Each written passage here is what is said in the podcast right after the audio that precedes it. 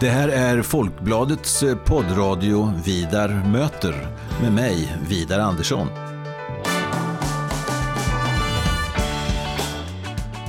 Jag är eh, chefredaktör på Folkbladet och jag är också ansvarig för Folkbladets ledarsida som eh, skrivs utifrån en oberoende socialdemokratisk hållning.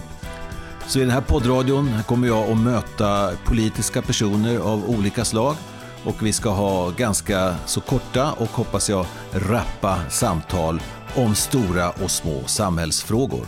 Varmt välkommen till Vidar möter.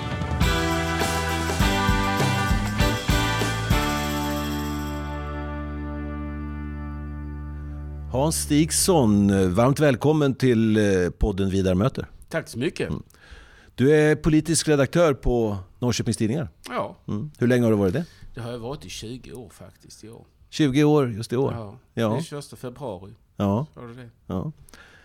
Eh, jag läser dig och lyssnar på dig ofta med stort intresse. Får jag säga så att du, i mina ögon, du, framst, du är en rejäl högerman? Är det? Ja, det hoppas jag verkligen. Ja. Jag brukar kalla mig moderat. Att jag är, det är jag som är, eller rättare sagt, vi var flera tidigare på ledarredaktionen, att det var vi som var de riktiga moderaterna. Ja. Och eh, det var ju då alla man skulle vara nya moderater. Och nu så, så eh, ska man ju fråga hur konservativ man är och så vidare. Men jag fortsätter att kalla mig moderat. Jag har inte rört mig någonstans.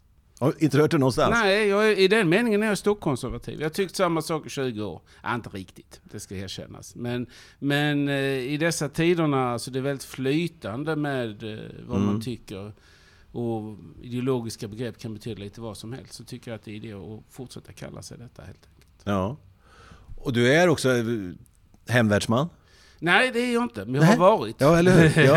är, ja. Men jag skriver en hel del om hemvärnet. Ja, ja, Så att det, det, ligger mig varmt om hjärtat. Och de här klassiska värdena. Och det här, det här säger jag med uppskattning Hans. Alltså, så, du ja, jag, du... jag funderar på detta. Alltså, det är alltid, jag står en socialdemokrat på andra nej. sidan. Nu kommer, nu kommer jag att trampa i fällan. Nej, nej det tror nej. jag inte. Jag litar på dig Vidar. Ja.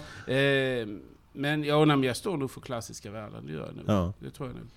Har du alltid gjort det sen du var liten? Ja, det tror jag. Det är klart, visst, alltså, vissa saker tillkommer ju och andra eh, försvinner. Va? Men det, det, det är nog ungefär så här jag tyckt faktiskt. Mm. När vi spelar in det här så har eh, coronaviruset eh, seglat upp som den eh, stora, stora frågan i, i Sverige. Inte bara i politiken utan i samhället. Och, eh, större sammanslutningar, över 500 personer är förbjudna.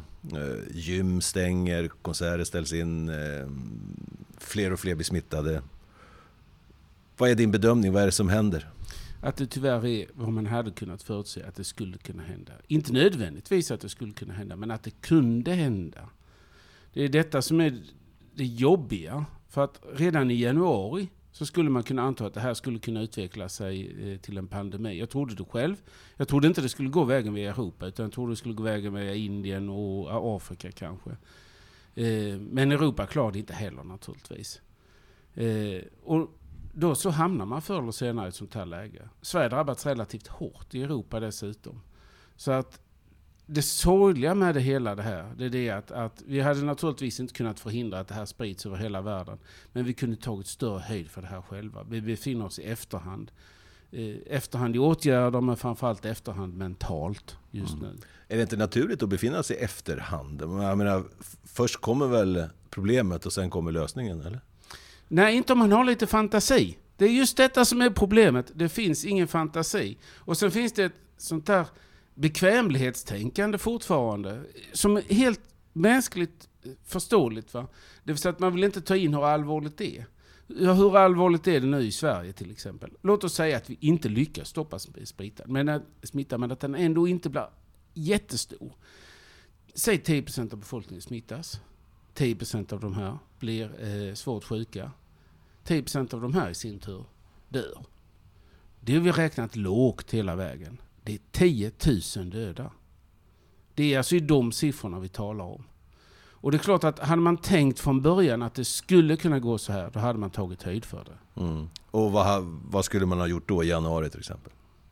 Ja, redan i januari så kanske inte man kunde gjort så mycket exakt just då, men man kunde börjat förbereda helt enkelt. Man kunde se till att det finns mer sjukvårdsmaterial. Man kunde lagt upp bättre planläggning för det här. Och sen det är klart att man skulle infört reserestriktioner tidigare. Eh, nu har det ju kommit via Italien, vilket kanske var lite oväntat. Det var oväntat för mig i alla fall. Men eh, det är som Leif GW Persson har sagt, att detta är en typisk medelklassgrej. Han såg det faktiskt i klasstermer. Han sa att det är liksom den förhållandevis välbärgade medelklassen som far omkring i världen och i detta fallet då Italien och träffar många, bor i storstäder och så vidare. Ja, då sprids ju därifrån mm. också. Mm. Ja, de fall som finns nu när vi spelar in det här på torsdagen eh, i Östergötland, det är ju inresande, de eh, sex, sju kända ja, det, fallen. det är så än så länge. Va? Ja. Men nu, nu, mm. det är ju det som är, när den liksom blir självverkande, inhemsk så att säga. Va? Att det sprids inom landet. Va? Då, mm. då är det jätte, men det går nog fortfarande att göra en del med reserestriktioner, det skulle jag tro. Mm.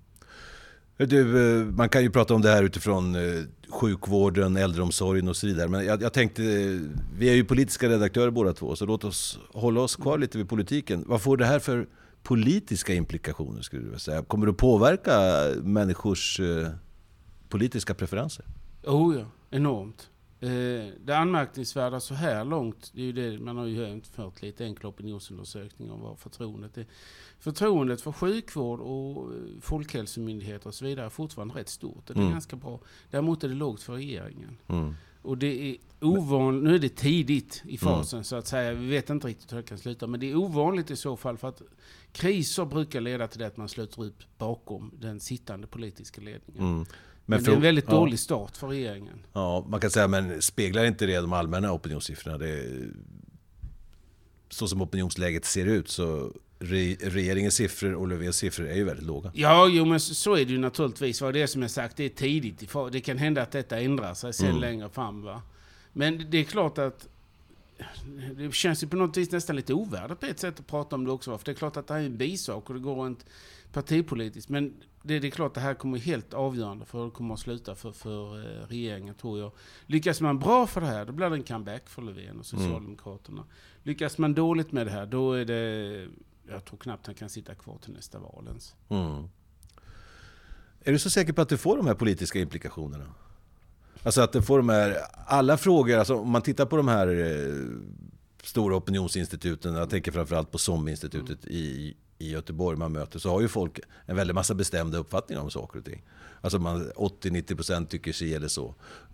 I enskilda sakfrågor. Mm. Och, men sen när det väl hamnar i valurnan så är det få av de där sakfrågorna Eh, som påverkar hur man faktiskt röstar, utan det brukar bli ungefär som vanligt. Alltså, förstår vad jag menar? Alltså, ja, jag, jag, förstår vad du menar, men jag håller inte med dig, därför att det, det är så i fredstid så att säga. Va? Ja.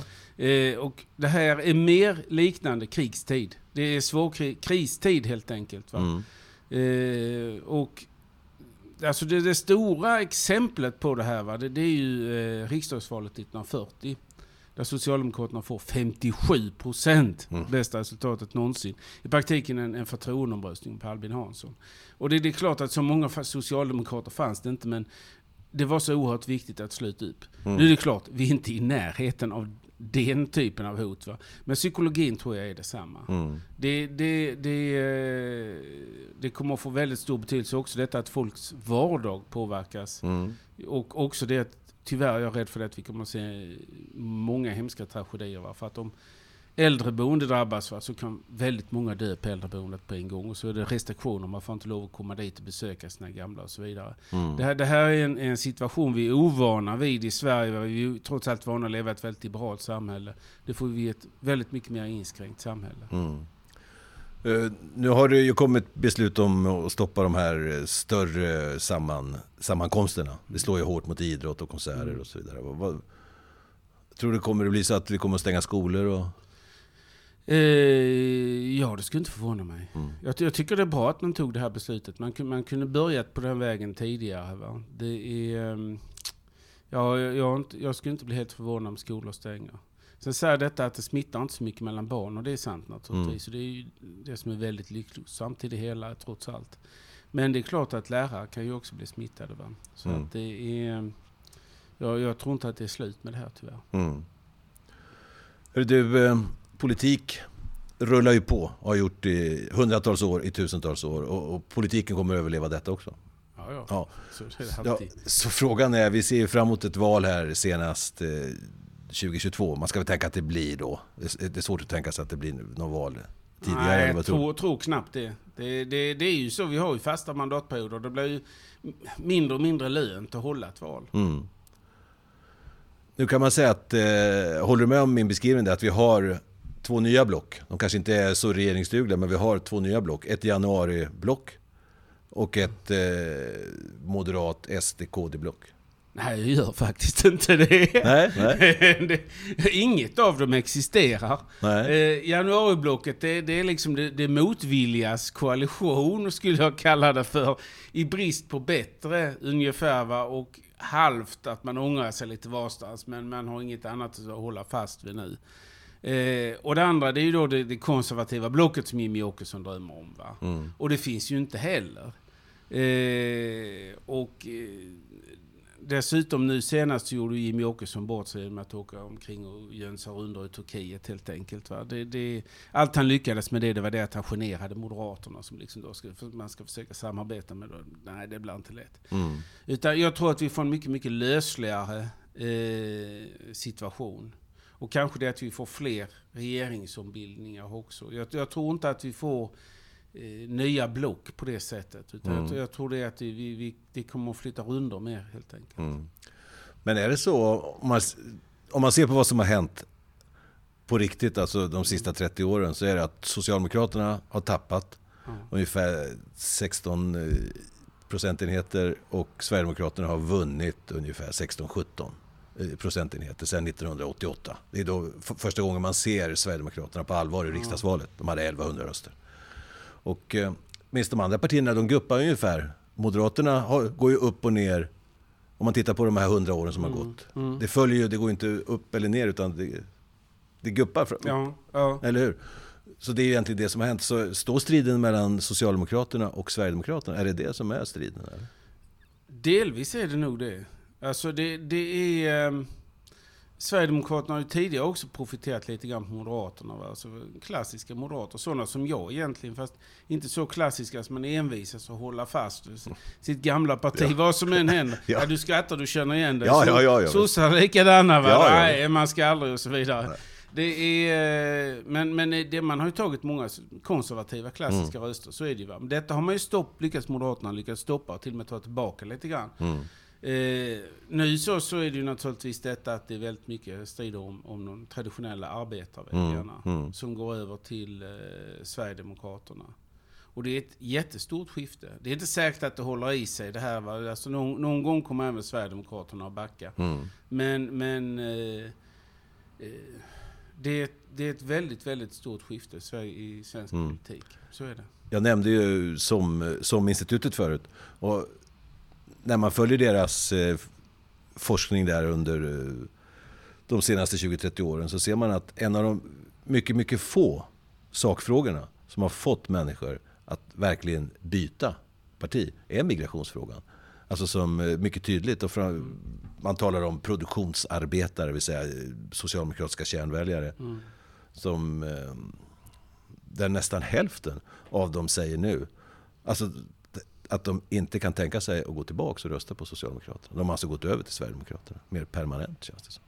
Ja, alltså, det, eh, alltså Socialdemokraterna gör ju i relationen med Sverigedemokraterna kan man säga samma fel som Moderaterna gjorde länge innan Fredrik Reinfeldt. Man kan faktiskt lära sig någonting av Reinfeldt i det här, vilket kanske verkar överraskande då om vi talar om migrationsfrågor och så, men vad han helt enkelt kom fram till det var detta att man ska inte förolämpa socialdemokrater. För att om man förolämpar socialdemokrater så känner sig deras väljare också förolämpade och då kommer de aldrig att rösta Mm. på, på en byta sida.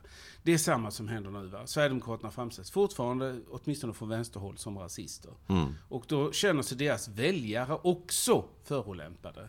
Och då kommer de inte att byta. Mm. Alltså, om, om, om man förolämpar någon alltså, så då den personen kommer hålla fast ännu hårdare vid sin åsikt. Så att jag tror det är där man skulle börja. Va? Att sluta förolämpa. Man kan kritisera dem när de Mm. gör fel. Va? Och skulle de vara rasister ska man kritisera dem Mm. då. Men inte hela tiden hålla på och köra det spåret. Mm. Nu verkar det som om, eh, i varje fall för stunden, alltså om Sve- Sverigedemokraterna har valt den högra sidan i politiken. Att det är där man tänker sig. Som du känner det moderata partiet, Eh, skulle det vara okej okay för det moderata partiet att regera, men kanske ha då en budgetöverenskommelse med Sverigedemokraterna i riksdagen? Eller skulle det bli konvulsioner i Moderaterna?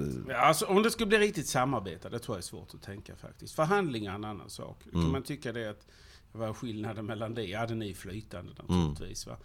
Men alltså inget fast samarbete, det tror jag inte tiden är mogen till. Och jag tror dessutom att det är inte bara liksom en, vad som är politiskt korrekt i samhället, va? utan det finns många frågor där man faktiskt skiljer sig väldigt mycket ja. åt. Va? Eh, Europafrågan, NATO. Eh, dessutom så det, finns det alltså ett, ett frågan om, om Sverigedemokraterna verkligen duger till att ta liksom att regera landet tillsammans med. Alltså, som nu som Jimmie Åkesson var nere i Turkiet. Mm. Det, det, det, så där gör man inte. Va? Det, det är för mycket trumpism över det hela mm. helt enkelt fortfarande. Men är det inte så man kan ställa sig frågan också om Sverigedemokraterna vill? Nej, så, men då, då, Sverigedemokraterna är på ett sätt i en besvärligare sits. För att visst, de skulle naturligtvis kunna rösta ner en moderatregering.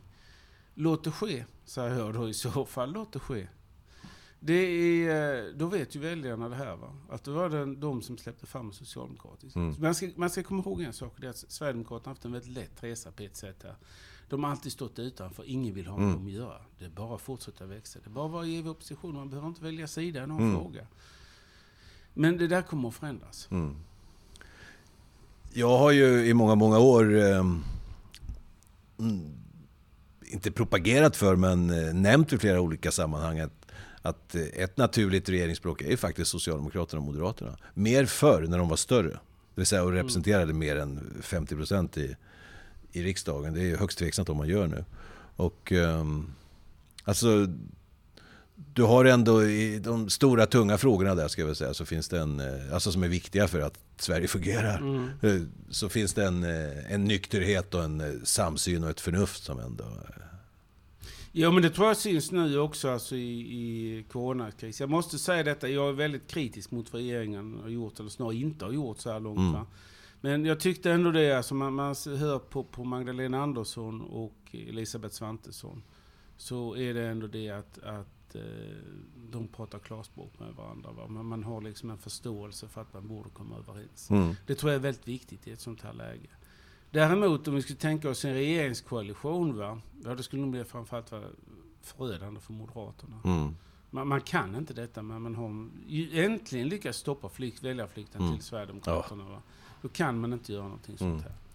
Men är, är, är, det så, saknar de borgerliga och Moderaterna då i första hand, alltså en, eh, en maktinstinkt? Har man inte den genen riktigt? Alltså jag, jag tänker det, man hade efter förra valet här, så hade man ju 60-40, med de siffrorna avsattes ju Stefan Löfven som statsminister mm. först. Och Andreas Norlén valdes som talman, alltså moderaten här från Norrköping, eh, med ungefär samma siffror. Mm. Vi fick en budget liksom, som var, var borgerlig.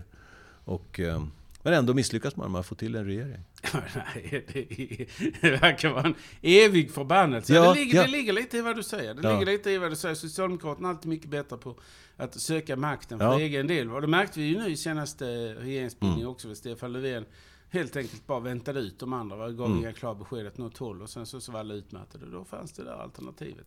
Men jag tror också detta är en anledning till att just idag, varför det går så dåligt för Socialdemokraterna. Och det är en ny situation. Att vilket jag tror beror i sin tur på detta att de flesta socialdemokratiska väljare inte vill ha några stora förändringar. Va? Mm. Utan de, man vill makten för dess egen skull, men då ska det också vara på ungefär samma. Mm. Och att den här är ju faktiskt i vissa stycken en mer borgerlig politik. Alltså, det är lättare på ett sätt att förklara den här från, från eh, vänster missnöjet med, med det nuvarande styret mm. helt enkelt. Och då, då, frågar man sig, men varför ska det vara på det här viset? Och det, det är ju skillnad mot från moderat håll så skulle man då kunna säga vi får igenom det här och så får vi backa på de här punkterna. Mm. Men man har en reformplan, man vill, man vill förändra någonting. Mm. Socialdemokraterna är ju det i meningen det mest konservativa partiet. Mm. Man vill inte förändra någonting. Och så länge man har den inställningen så kommer ju väljarna också att vara extremt motståndare mot alla typer av som man uppfattar försämringar, vilken riktning det än är helt mm. enkelt. Men det speciella skulle jag vilja säga med Socialdemokraterna är att det är ju det stora regeringspartiet de, över 70 år de sista 100 åren. Och under de åren har ju Sverige förändrats enormt. Alltså ett, eh, ett ganska marknadsliberalt samhälle på många sätt och vis. Alltså fri, frihandel, export, välfärd, reformer. eh, många väldigt liberala reformer, alltså på individplanet. Hur man styr mycket i... Och så, och när man väl är i regeringsställning, det är liksom det jag menar. Man skäller ofta på Socialdemokraterna, man säger man, man gör allt för makten. Ja, det är självklart tycker jag, men makten är ju inte bara ett självändamål. Utan det är ju där man kan göra någonting också. Jo, men då måste man vilja göra någonting också. Det är ja. det, det, det jag sett. Det finns ingen vilja att göra någonting i någon riktning. Det, det, utan... Det, det, man får ju intrycket att den här januariöverenskommelsen, det är väl egentligen bara Centern som tycker att den här är något sånär. Alla andra är egentligen rätt motvilliga till det här. Jo, men den, alltså, jag ser den mer som en maktformel. Det kommer inte hända någonting efter värnskatten. För allt som inte Vänsterpartiet vill ha, det kommer riksdagen att säga nej till. Ja, det, det kan vi ju se. Ja, ja, visst. Så det blir inget mer av detta. Men det är en maktformel och eh, Socialdemokraterna är regeringen och Moderaterna i opposition. Det är, Ja, så, så är det ju naturligtvis. Och, och det, är, det, är inte oväsentligt. Det är intressant att du resonerar precis på det viset. Va? För det är typiskt socialdemokratiskt. Ja, ja. det, är inte, det är inte fel. Det, är nej, inte fel. Alltså det, det, finns ett egenvärde i makten också. Va? Men eh, det, förr eller senare kan det ju kosta. Och det är klart att nästa val va, kan Sverigedemokraterna plötsligt vara största parti. Mm. Socialdemokraterna är nere på 20. Och då har jag ändå inte räknat in vad som kommer att hända nu effekterna av coronasmittan. Eh, det, det, är klart att då så då, går, då håller inte det gamla sättet att resonera längre. Mm. Eh, men, och det, det, det, kan vara väldigt svårt att ta in. Alltså jag, jag, ibland påminner Socialdemokraterna lite grann om högern för hundra år sedan. Att, att man hade haft vana att det var ju vi som styrde landet. Mm. har gjort så i decennier. Och sen förändras förutsättningarna, men man kan inte riktigt ta in att det verkligen är på det Det, det borde nog egentligen vara vi, helt mm. enkelt. Eller så blir man gnällig. 20, svenska 20-talshögern var oerhört gnällig. Mm. Men man kan ju säga så här också, eh, Hans eh, Stig som politisk redaktör på NT, att eh, man säger att det borde varit vi, sa ju den gamla högern när Socialdemokraterna kom. Men det slipper Socialdemokraterna säga, för man kan säga att det är vi. Det är ju Socialdemokraterna som styr. Ja, det kan man. Man hade ju en del borgerliga regeringar under mellankrigstiden. Ja, jo, jo. Också, inte, inte för att fungera något vidare, va? men, men dock gjordes olika försök. Va? Vi hade ju faktiskt kosackvalet ja, också. Men, men det, var, det var ju liksom också undantag egentligen. Eh, nej men så är det naturligtvis. Mm. De fortsätter att styra. Ja. Men det, det, är klart man kommer en gräns neråt när det inte går längre. Mm. Eh, och man kan säga att det, deras, Socialdemokraternas problem det är att man, hur det än har varit så har man varit störst. Mm. Och man har dessutom haft en position i svensk politik som gjort att man har haft mm. förhållandevis lätt ja, åt, åt bägge hållen. Va? Men det är inte säkert att hålla i sig så, hur länge som helst. Hans Stigson, politisk redaktör på NT. Klockan har tickat på. Jag skulle ja, bara vilja be dig och, och säga någonting om min sista fråga här. Som jag har i, i huvudet. Um, vad tror du? Valet 2022. Kommer det att ända i en moderat statsminister? Ja, det tror jag. Det är eh, med risk för ett eh, spår i kaffesumpen så tror jag det. Mm. Tusen tack för att du kom hit Hans Stigson. Tack så mycket. Mm. Hej då.